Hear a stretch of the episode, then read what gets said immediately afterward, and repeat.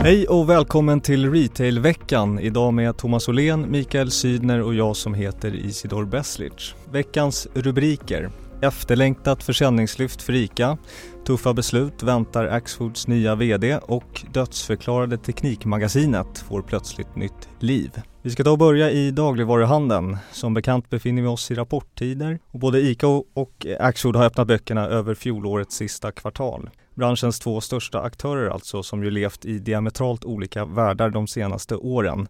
Den ena med höga tillväxttal och den andra med ihållande volymförluster. Men så kunde ICA nu överraska marknaden. Man har lyckats vända trenden och ICA-butikerna växer nu snabbare än övriga branschen. Thomas Åhlén, du noterade ju här i en analys igår att det är första gången på nästan två år som butikernas gemensamma försäljningsutveckling når över branschindex. Är det ett styrkebesked vi ser här från marknadsettan? Du, det var faktiskt lite över två år sedan ICA senast slog indexet.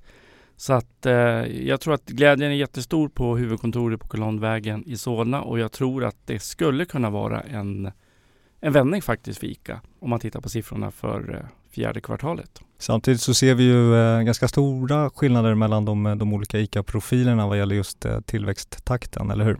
Nästan hela tillväxten under fjärde kvartalet drevs ju av stormarknaderna inom ICA Maxi och eh, ICA Kvantum, ICA Supermarket och eh, ICA Nära har det betydligt tuffare och taktar inte alls på samma nivå som eh, ICA Maxi. Och eh, jag såg att eh, rubriken blev eh, att det inte går att vinna matcher med eh, bara en spelare och eh, det stämmer väl bra i ICAs fall.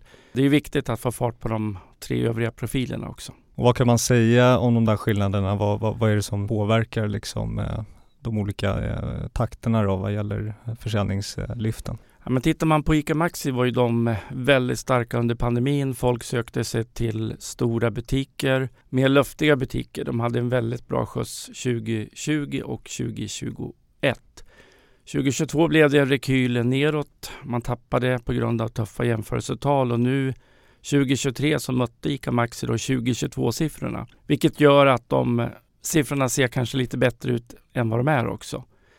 Sen får man inte glömma bort att när det gäller ICA Maxi så tog man över två butiker från ICA Kvantum i Bollnäs och i Österåker norr om Stockholm. Så att det påverkar också det totala utfallet. Och VD Nina Jönsson hon säger till eh, Dagligvarunytt att trenden verkar hålla i sig här även under innevarande kvartal och att alla profiler är på gång som hon eh, beskriver det. Man har blivit bättre på att konkurrera med billigare priser och eh, hon nämner det som en, en huvudorsak då till lyftet här i sista kvartalet. Just priset Thomas, är det något som, som ICA-kunder kommer kunna använda här för att tugga i sig ännu mer marknadsandelar?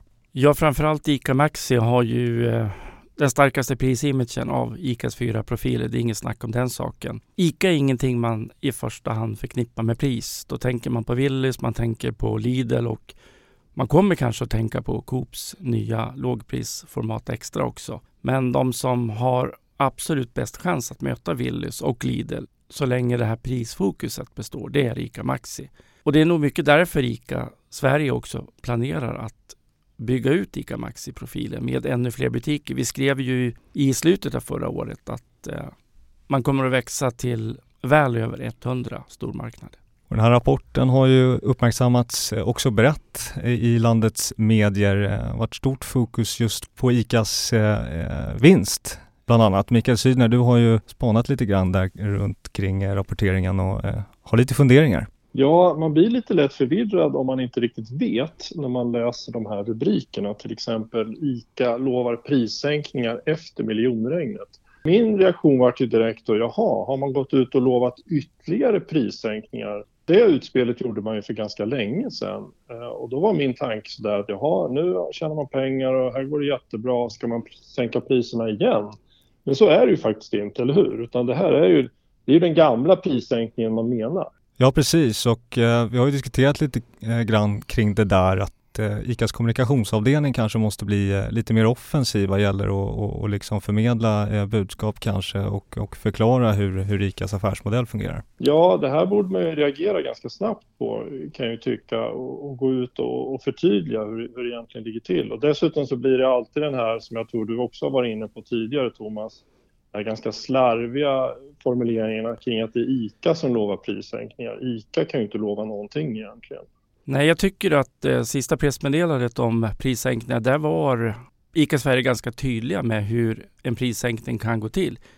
Det är så, och det vet väldigt få redaktioner märker jag. Det finns 1268 ICA-butiker.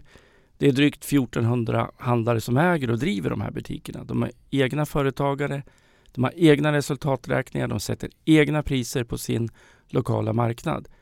Och att då bunta ihop och kalla ICA för en kedja som till exempel Nyhetsbyrån TT gör, det är helt felaktigt. Så att ICA kan inte, precis som du säger Mikael, utlova några prissänkningar. Däremot kan de som grossist leverera bättre, lägre priser till ICA-handlarna som i sin ja, tur precis. sätter priserna. Nu ska väl inte vi kanske sitta och kasta sten i glashus, men nog skulle man kunna önska lite mer nyanseringar och på sina håll något bättre research när det gäller sådana här frågor. Ja, och som sagt levererade också Axfood eh, siffror. Det bokslutet är inte lika rykande färskt, men det bjöd som väntat på gedigen tillväxt, inte minst från koncernmotorn Willys, som ju fortsätter att kapitalisera på lågpristrenden. Men den stora nyheten, den valde VD Klas Balkov att sitta på till på tisdagen och den berörde honom själv. Han ska nämligen lämna sin roll på Axfood under 2024 avslutar därmed sin operativa karriär efter nära 17 år som börs-VD, de sju senaste just hos Axfood. Eh, Thomas, lika mycket som ICAs försäljningssiffror ändå överraskade lite grann kan man väl säga att det här beskedet kom lite som en blixt från klar himmel. Ja, jag håller med dig Isidor. Det är min bild också. Dagligvarunytt och Market träffade Claes Balkov eh, efter semestern och han eh, pratade om fullt med energi och han indikerade absolut att han skulle fortsätta. Han fyllde 58 så sent som i december förra året och eh, det kan ju uppfattas som ganska tidigt att så att säga pensionera sig eller bli styrelseproffs. Så att, eh, jag hade trott att Claes Balkov skulle fortsätta minst ett par år till i alla fall. Ja, vi har ju också några fler exempel vad, vad gäller just det, stora intervjuer i våra eh, tidningar på våra sajter och eh, eh kort därefter, eller några månader kanske, så, så, kommer avsked. Mikael, du hade ju hört något från någon person i branschen där vad gäller just den saken. Det där tycker jag har dykt upp ganska, precis som du är inne på det, så har det liksom dykt upp ganska ofta den här tajmingen. Att vi har gjort något, någon större intervju med någon retailchef eller retailprofil och Sen bara någon månad senare så, så, byter man jobb eller får sparken eller, eller vad det nu sker. Men det där, det där var faktiskt en ganska hög chef inom handeln som för några år sedan sa till mig att er kan man inte bli intervjuad av, då får man ju lämna jobbet. Lite skämtsamt då såklart, men lite talande också på något sätt. Och tillbaka till Klas Balkov då. Jag försökte mig på att sammanfatta hans gärning för Axfood eh, under de här sju åren tillsammans med några analytiker som följer bolaget. Eh, stark tillväxt i butik online, strategiska transaktioner som den med Bergendal 2021 och minoritetsposten där i Citygross, eh, höga vinster över tid. Det var några av sakerna som de menar summerar hans eh, tid vid rodret. Eh, Thomas, du tog tag i samma fråga här i en analys på dagligvarunytt.se. Hur kan man beskriva eh, Balkovs gärning och kanske betydelse då för, för Axfood de senaste åren?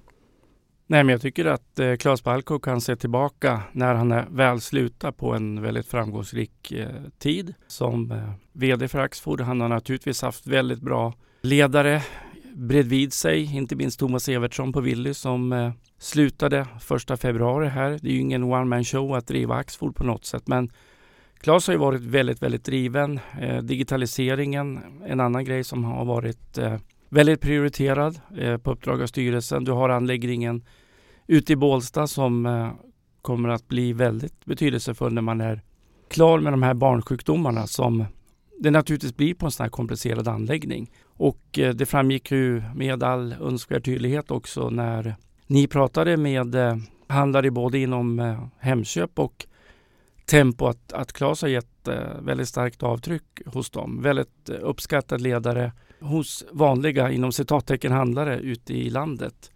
Väldigt empatisk, brytt sig väldigt mycket om ja, mindre rörelse helt enkelt. Ända upp då till försäljningsmaskinen Willys. Det måste man ge honom stark cred för. Och vad gäller kandidater då för posten när Claes Balkov väl lämnar så nämndes ju Nicolas Pettersson, tidigare Dagab-VD, som en het kandidat internt av de analytiker som vi pratat med. Men det kanske inte känns så sannolikt, eller vad säger du Thomas?